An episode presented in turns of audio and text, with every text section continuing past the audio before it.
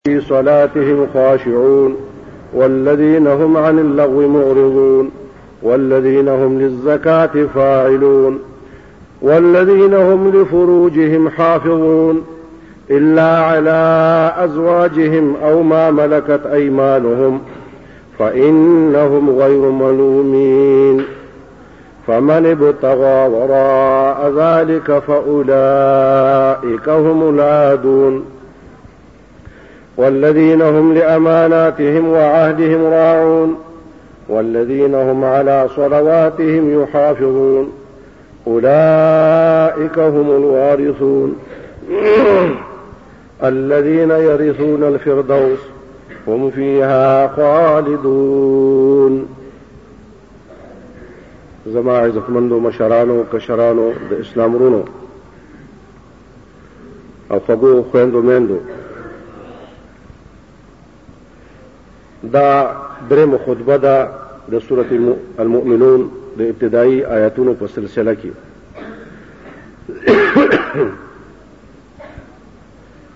د آیاتونو کې الله رب العالمین د کامل مؤمنانو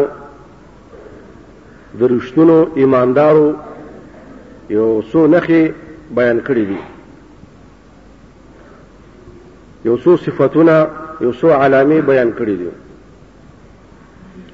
چې دغه علامو او دغه صفاتونو او دغه نخو په وجه باندې کامل مؤمن پیژندل کېږي او دغه صفاتونو په وجه باندې مسلمان کامل مؤمن کېږي ورونو لکه سرنګ چې کفر درکات دي یعنی طبقې دي لاندې دا غنه لاندې بیا ورپسې لاندې دا چې درکات دي کله کفر کفر مثلا غز بیا ورپسې نیم میل بیا ورپسې میل بیا ورپسې فرسخ کفر کې هم داسې منزلي دي د چا کفر کمی د چا کفر سخت وي د چا هغې نه هم پسې سخت وي دغه شان ورونو ایمان کې هم درجې دي کفر چې څومره سختيږي لاندې پورې وځي او ایمان چې څومره مضبوطيږي پورته ځي کفر تیاره ده کته زور کوي ایمان رڼا ده پورته ځي الله رب العالمین مؤمنانو کې دا غوي د صفاتونو په وجه باندې دغه شان تفاوت راوستل لري اعلی درجه والا مؤمن دا د ادنا درجه والا مؤمن سره نه برابر ایمان کې ډېرې درجې دي اهل علمو په دې باندې مستقل کتابونه لیکلي دي د امام بیهقي رحمه الله مشروع مشهور کتاب دی شعب الايمان د هغې اختصار هم شوی دی. نورو علماو هم د ایمان په ښاخونو، څانګو باندې کتابونه لیکلي دي او په دې باره کې معروف مشهور حدیث دی چې څه د پاسه اویا څانګې دي د ایمان.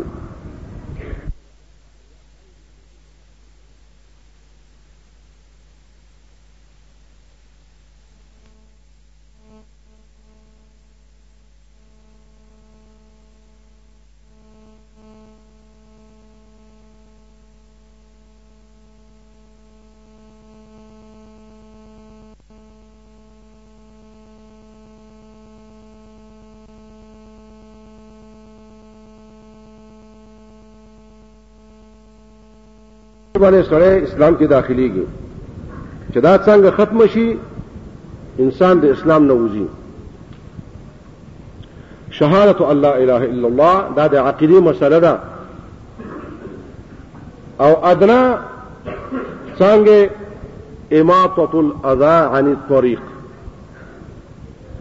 د لارې نه ضروري شي اخوا کول چې چاته په تکلیف ورنه رسیږي لاره کې چاته میخ وي ازغې وي، لرګی وي، ګټه وي، ګنده اوبه وي، جوره کنده وي، هغه خوا کول چې دې باندې څوک پرې نه وځي مسلمان خو داسې کوي چې ته حیوان پکې ونه غورځېږي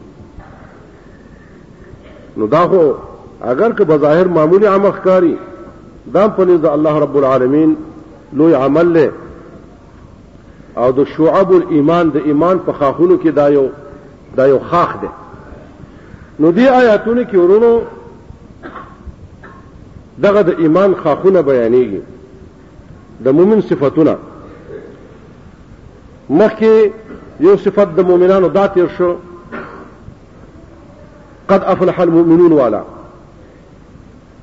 چې کامل مؤمنان چې کم کامیاب دي دا یو صفت داو چې مونږ کې عاجزي کوي هغه د الله نه یریږي هغه چې د رسمي مون نه کوي هغه شرعي مون کوي دی وجنه مون نه کوي چې هغه پلار نکو مون کړی دی یا هغه د مسلمان په کور کې پیدا دی او دا روټین دی او ریواج دی نو یعنی کوي نه هغه مون په دې بنیاد کوي چې دا د اسلام حکم دی دا د الله رب العالمین حکم دی د عاجزۍ په بنیاد د الله رب العالمین د لوی په بنیاد باندې مونږ کوي دا یو صفت دیم صفت دا چې دوی د بیهوده کارونه بے فائدې کارونه د بے فائدې خبرو نه مخ اړي او هغه شرح او تفصیل موږ مخکې کړو چې بیهوده هغه کار ته وایي چې نه د په دنیا کې په فایده راځي نه په آخرت کې نه د د دین سره تعلق لري او نه د دنیا سره تعلق لري وقت ضایع کول مال ضایع کول ټایم ضایع کول بدن ضایع کول بې ځای بې فایدې دا ټول په دې لغو کې داخل دي چې جای کې چلا هغه نمیمي چغل خوري غیبت وي کذب بیاني ابي لا چې په الله پاک باندې دروغ وي ابي لا چې په نبی عليه الصلاه والسلام باندې دروغ وي بعضې خلکو د نېکۍ داسې لارې اختیار کړې دي چې د هغوی په لار کې سوا د نبی علیه الصلاة والسلام باندې دروغ ویلو نه بل پروګرام نشته دی داسې منهجي کتابونه یې کړي دي د مسلمانانو د اصلاح د پاره چې د هغه بنیاد په دې باندې دی چې په هغې کې نبی علیه الصلاة والسلام باندې کذب بیاني او تقول او دروغ دي نو دغه د اصلاح لارې نه دي دا د لغوي لارې دي یا پکې عقاید داسي چې هغه د شهادت الله اله الا الله سره منافي وي مضاد وي نو هغه د هلاکت او د تباهي او د غوایت لارې دي هغه د هدایت لارې نه دي هغه د اصلاح لارې نه دي هغه د فساد او د افساد لارې دي هغه د ضلال او د اضلال لارې دي ورونو چې په یو مجلس کې په نبی عليه الصلاه والسلام باندې کذب بیان کیږي په هغه باندې تقول کیږي چې دا د الله پیغمبر دا ویلي دي هغه مجلس کې به څه خیر هغه شیطانی مجلس دی هغه به رحمانی مجلس نه دی دا ټول لغو بهوده خبرې دي دغه دویم صفت چې د لغو نه ځان ساتي او په دې سلسله کې هغه خلک هم په لغو کې داخل دي ورونو چې یو مسله ثابتې مسله وی غلطه دا غي د ثابتولو د پاره په نبی علیه الصلاة والسلام باندې دروغ وای یا یو آیت کریمه کې یو مراد نه وي الله دا ویلي دی د دین غټ دروغ دنیا کې به نشته لکه دا تقول علی الله دی او یا په جهل په بنیاد باندې فتوا ورکړي یو مفتی یو موقع چې توقیع کوي د الله رب العالمین د طرف نه چې دا مسله د سدا نو دې معنا دار چې دا شریعت نسبت کوي الله رب العالمین ته د شریعت نسبت کوي نو چې دغه نسبت غلطي نو د مشرع شو د ځان شریعت پیدا کو الله رب العالمین فرمای ام لهم شرکا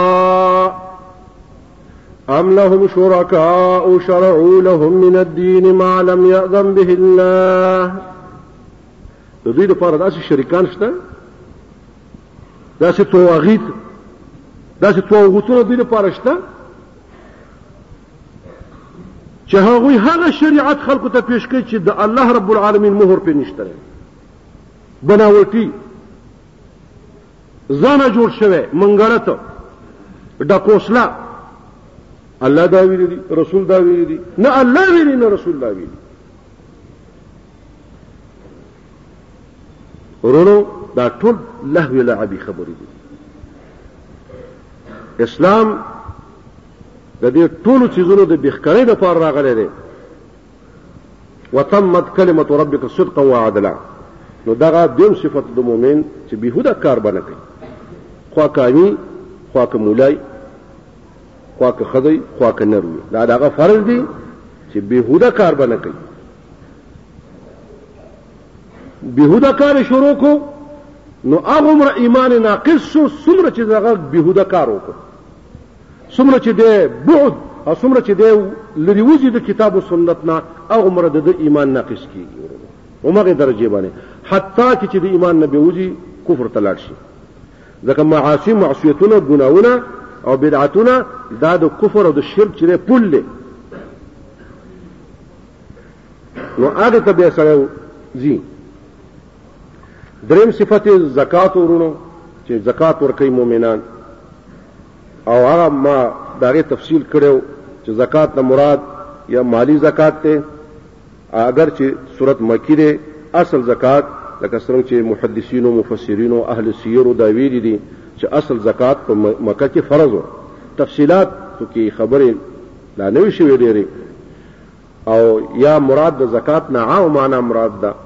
چې خوا د زکات د مال زکات وي که د عقیدې زکات وي که د نفس زکات وي تزکیه نفس ورته وایي د زړونو مرض ویستل مونږ کې د زړونو ډېر مرضونه دي ورونو اهل علم په دې باندې مستقل کتابونه لیکلي دي امراض القلوب حسد کینه بغض دوکا خیانت ږیره خریل یا لنډول او بیا چې لا طالب یو بیا لا چې مدرس وي نو هغه لپاره به ډېر شرم دی چې طالب العلم هغه چې دی د مسلمانانو تبرعات او چنده او خیر او خیرات زکاتونه خوري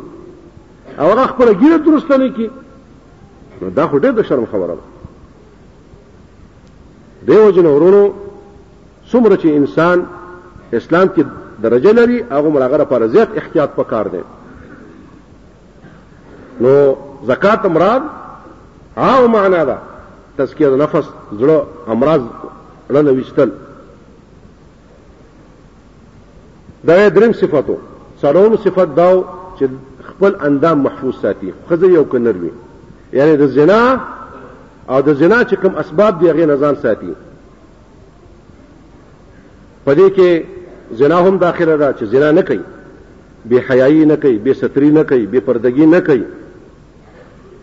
او د شهوت چې کوم لارې الله رب العالمین جائز مقرر کړی دی موږ د پاره چې هغه نکاح ده دا غینه علاوه بل لار نشته مالي یو نکاح ده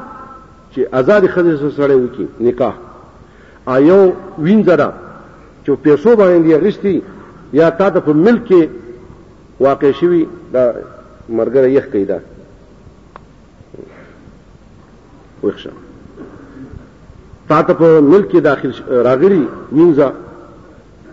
یا دې پیسو اخیستي یا ته میراث کې پاتې شي یا چا ته بخلي وي او چې ته د هغې مالک کې نو هغه ستا ملک دی هغه څه به د نکاح ضرورت نشته دی جائز شهوت داغه پوجا باندې ته پوره کولې شي ځکه الله رب العالمین فرمای او ما ملکت ايمانهم دین علاوه چې څه لار ده هغه ټول لارې حرامې دي ورونو د دې نس پوجا باندې حرامې قطعي دي خوا استمناء بالیت ده لاس باندې یا نور ذریعو باندې یا چې ده زنانه چې ده غلط قدم او غلط اختیار کوي لار اختیاري اټو لار چې کوم ده فاسد دي د دې وجنا مؤمن لره پکار دي چې کوم لار وته الله رب العالمین منتخب کړی دی او مغه لار استعمال کی غلط لار استعمال نه کی نو دا څلورم صفات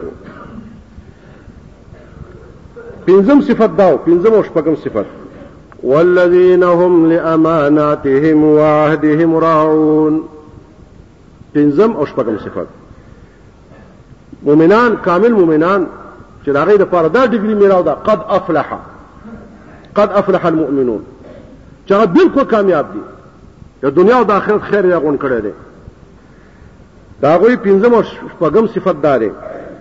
او دوی هغه کسان دي چې دوی د خپل امانتونو لپاره د خپل امانتونو د خپل وادو خیال ساتي حفاظت کوي چا سره امانت کې خودو مالی د هغې هم خیال ساتي هغې کې خیانت نه کوي یا د دې نه عامه معنا ده هر قسم امانت چې ورته وسپارلی شو د هغې خیال ساتي د هغې مسؤلیت لري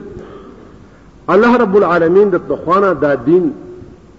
قرآن اسلام حدیث دا ټول چې کوم څه فرایض د اسلام دي دا ټول موږ ته امانت دی زموږ خپل بدنونه موږ سره امانت دی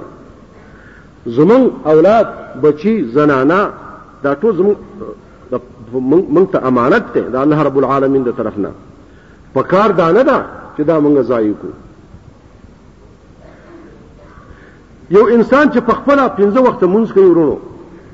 هغه د بچی خیال نه ساتي بچی لوفري جوارګري شرابي کبابي وي د مونږ خیال نه ساتي نو دا پلار ماخوذ دی په دې باندې ځکه چې د په امانت کې خیانت کړی دی بچی باندې غلط تعلیم کوي دین طرف ته نه راغب کوي نو دې پلار په دې بچی په باره کې خیانت وکړو امانت کې پوره نه کورونو امانت یې ضایع کړ ورونو امانت معنا عامه ده څه چې تا باندې حقوق دي دا به ورکې دا به ادا کې ورونو خزره د خاون حقوق نه ادا کوي نو دغه زنانا امانت پوره نه کو بچیره د پلار حقوق پوره نه کړل د پلار احترام نه کوي د پلار خدمت نه کوي د پلار ته نفقه نه ور کوي پلار ور باندې محنتونه کړې دي دی چې زلمی شو سنډا شو غټ شو پلار پروا نه ساتي نو دی خائن دی د امانت کې خیانت وکړو اما د مال او دنیا سره چې کوم امانتونه متعلق دي هغه خو پکې دي دي د مال په باره کې چې چا سره سر کې خود هغه خو دی دی هغه خو پکې شامل دی ورونو مؤمن خائن نشي جوړېدی ځکه خیانت چې دی دا د منافقینو د مشهور صفاتونو کې یو صفت دی دغه شان وعده ماته ولرنو مونږ خپل رب سره وعده کړې دي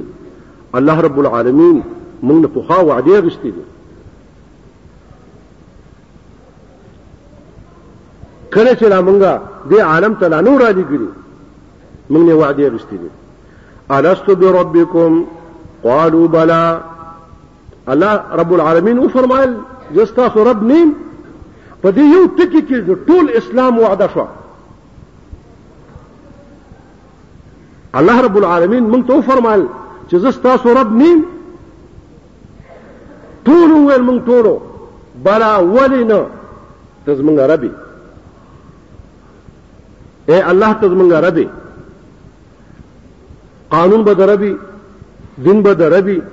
احکام به د ربي شریعت به د ربي د هغه چا خبره ومنل کیږي چې د رب سفیر وي چې د رب پیغمبر وي دا هغه اطاعت به په ټول باندې مقدمه مخکې وي دا هغه د حکم مطابق به چریږو دا ټول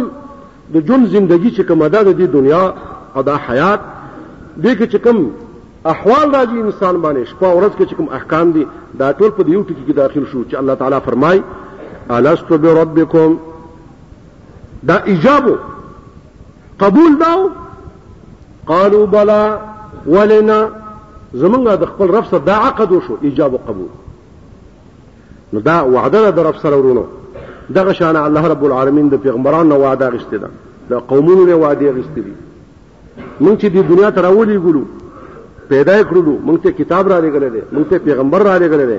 دا مونږ سره وعده ده دا عقد دی ورونو دغه شان کله چې مونږ لا اله الا الله محمد رسول الله ویو دا مونږ عرب سره وعده وکړه دا زمونږ د رب مینس کې معامله شو عقد شو د دین الله رب العالمین کله تعبیر په بیع شراء کوي دا خرید فروخ دی رب سره دا خرید فروخ دی دا ډیر عظیم تجارت ته کچا دا پوره کو الله تعالی فرمای فاستبشروا ببيعكم الذي بايعتم به دا کوم بيع شراء خرید فروغ چې تاسو رب سره وکړو دا معاملات تاسو دې باندې خوشخبری حاصله کې خوشاله شئ خوشحاله شئ په دې باندې تاسو ته دې خوشخبری تاسو په دې باندې خوشحاله اوسئ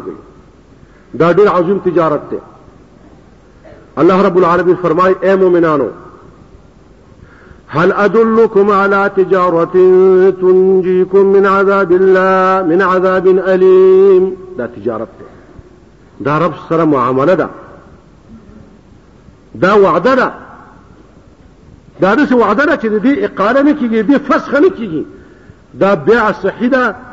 منعقده ده د دې ازاله نشته د دې اقاله نشته د کې فساد نشته دی بيع کې که فساد کوو نو موږ یې پکې کوو دا ډېر د ګټي بيع او شراء ده ورونو نو دې وجنه الله رب العالمین د مؤمنانو په صفاتونو کې فرمایي والذین او دغه کامل مؤمنان هغه خلق دي هم چې دوی لاماناتهم وعدهم راعون د خپل امانتونو د خپل وعدو خیال ساتي دا غي خیال ساتي رورا الله دې نه کی ستا چې لاس مات شي څومره خیال ساتي دا غي حفاظت کې هغه تړي هغه باندې پټي لګي ډاکټر لذي د وایي غمې کې تر دې چې جوړ شي دې ته وایي خیال ساتل غم کول اهتمام کول دین باندې څومره غم کې وروره د دین د پاره څومره تفتیش کې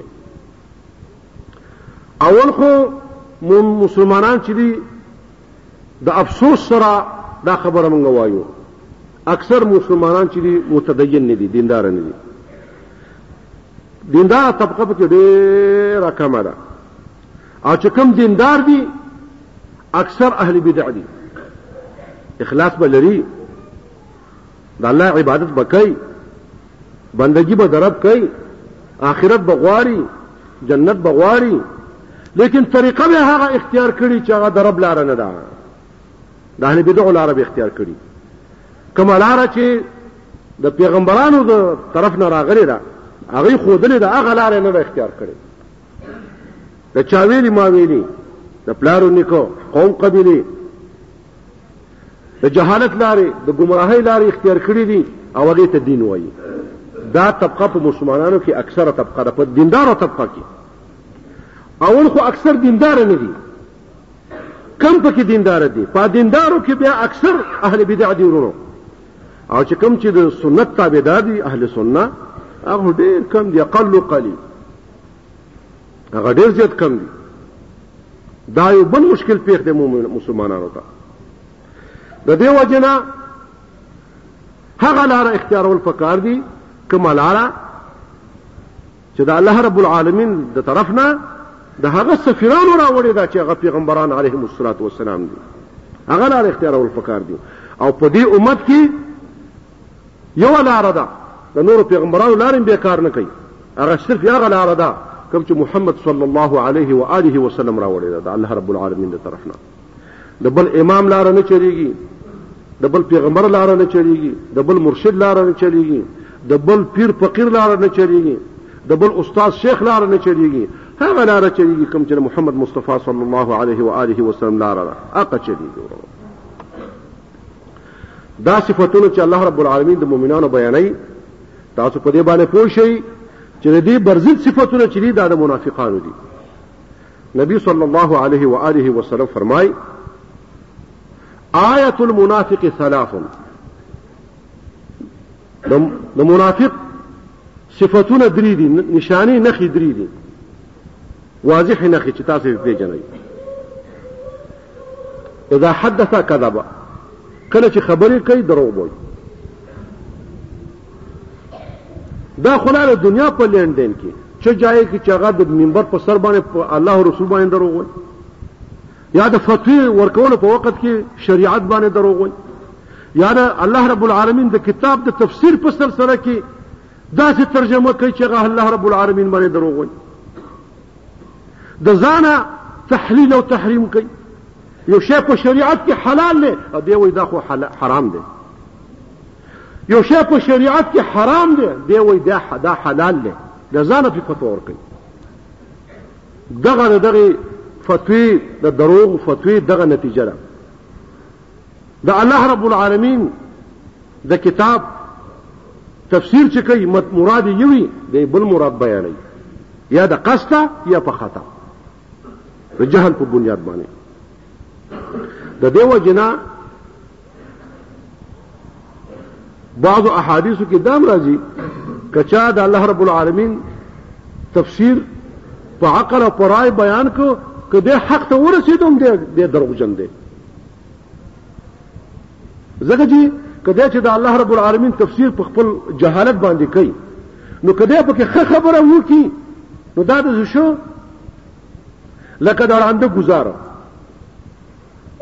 راند گزار نو کله صحیح شو کله خطا شي نو کله صحیح خبره وکړه هم دې دروغجن دی ولې دې په د جهاد په بنیاد باندې الله رب العالمین د کتاب تفسیر کوي ایا د نبی علیه الصلاۃ والسلام د حدیث یو شرح ولې غلطه کوي په دې وجه ورونو دې کې ډېر احتیاط پکار دی د دې ډېر ډېر فاسدې نتیجې دي دې کې شریعت بدلېږي دې کې حلال حرام جوړيږي او حرام پکې حلال جوړيږي دروغ ویل کېږي په الله رب العالمین باندې او دغه پر رسول باندې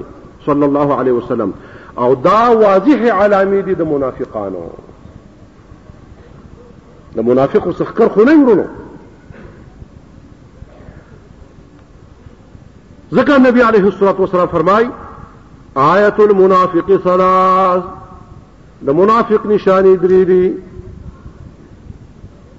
اذا حدث كذب چې خبرې کوي دروغ وایي واذا وعد اخلف او چې وعده وکي ماتي واذا اؤتمن خان او کله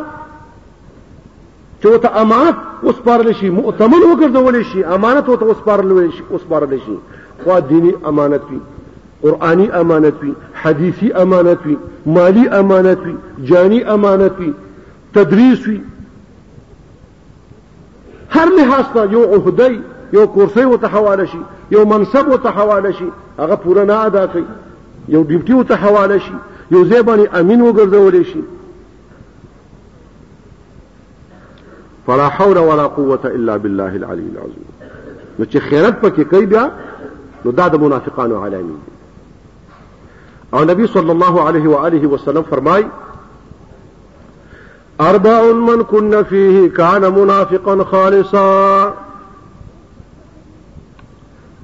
څلور خصلت دي څلور صفاتونه دي څلور نشاني دي او نخي دي چا کې چې دا وی دغه خالص منافق دی سوچا خالص شوده هغه چاته ویل کیږي ورونو خالص شوده هغه هغه شوده ته ویل کیږي چې هغه کې وسوګ بو نه چي خالص شهد هغه ته ویل کیږي چې څوک پکې چینی ګوره مړ وانه چي خالص منافق معنی سوچه منافق خالص زر هغه ته وای چې هغه کې کوټ بنگال او دا قصې میسي پکې نه دا زړ پکې نه تانبه پکې نه هغه خالص سونه اصلي پاسي نو سوچه منافق خالص منافق صفا هغه سترونګ منافق چې ورته وای کټاس منافق چې هغه دا څلور علامې پکې ویورونه اذا حدث كذب ايو روایت کې راځي د صحیح مسلم وای و ان صام وصلى وزعم انه مسلم اگر که روزیم نیسی اگر چې منځونم کوي ورونو او دایم عقیده چې د خو مؤمن دی مسلمان دی ارڅ چې کوي کوي خو چې دا صفاتونه پکې اذا حدث كذب خبرې چې کوي دروغ وایي واذا وعد اخلف وعده چې وکړي ماتوي واذا تؤمن خان او چې امانت وسره ورکړی شي ورته ورکړی شي ورته وسپارل شي هغه کې دوکه کوي واذا عهد غدر او کله چې وعده وکړي نو بیا دوکه کوي الله رب العالمین دی د دې صفاتونو نه موږ محفوظ وساتي ورو دا صفاتونه احادیث کوم د دې لپاره بیان شوي دي چې د دې بدو صفاتونو نه د دې زمیم صفاتونو نه موږ ځان وساتو او د دې په مقابله کې خغه صفاتونه موږ ځان کې پیدا کو د دې وجنه عقلي لحاظ سره او اول چې ده تخلیه تخلیه ځان صفا کول بیا تحلیه بیا ډول او زینت وي انسان چې ګنده شي لاس خپې ګنده شي کپړې خیره نه شي مخې چې کوم دی ګرد او غبار نه آلوده شي ورونو فوج هم د ګردون نه ډکې نو دی غسلخانه ته نه وځي اول په ځان باندې صابون مابون وای خیری مری اخوا کی هغه خچن او ګنده چې هغه ګندګي او خچنی ځان نه اخوا کی دا هغه نه بعد خې کپڑے واغندي بیا چې رانجو پوری کی ډولی شي مزیدار شي نو اول تخلیه د ګنز ځان صفا کی بیا تحلیه بیا کاله واچي ځان صفا کی نو دغه شانه دا چیزونه لکه څنګه چې په محسوسو کارونو کې دي دغه شانه په معنوي کارونو کې هم دی د زمینو زمینو اخلاقو نه پکار چې موږ ځان وساتو ځان ځان صفا کو دا تخلیه ده او خو خو اخلاق چې دي چې کوم شریعت موږ ته خودري د کمال اخلاق صفات کمالیه دي شرعي صفات دي په کار دارا چې هغه موږ په ځان کې پیدا کو نو دا د مؤمن صفاتونه دي دا شروع شي شپږ صفاتونه څلور صفاتونه مخکې تیر شو او پنځم صفت یې دا دی چې امانت کې خیانت نه کوي امانتونه پوره کوي او شپږم صفت یې دا دی چې کوم وعده کړي هغه وعده باندې پابند دي خو هغه د الله رب العالمین او د په منځ کې وي خو هغه د پلار او د بچی په منځ کې وي د خځه او د خاون په منځ کې وي د قوم او د بادشاہ په منځ کې وي راعي او د رعیت په منځ کې وي د مدرسې مشر او د مدرس او د طالب په منځ کې وي د مدرس او د طالبانو په منځ کې وي دا ټول وعده دي ورونو دا وعده پوره کول پکار دي هر سړي له پکار داري چې خپل ډیوټي په صداقت او په ایمانداري باندې وچلي او د منافقینو د صفاتو نه ځان بچ کی او د کم چې د کامل مؤمنانو صفاتونه دي هغه په ځان کې پیدا کی وصلی الله وسلم على خير خلقه محمد وعلى آله وصحبه أجمعين أقول قولي هذا وأستغفر الله لي ولكم ولسائر المؤمنين إنه هو الغفور الرحيم هر قسم اسلامی کیسټو د ملاویدو پتا یاد ساتي ایوب اسلامی کیسټ مرکز د قصه خوانی بازار شاته پیښور خار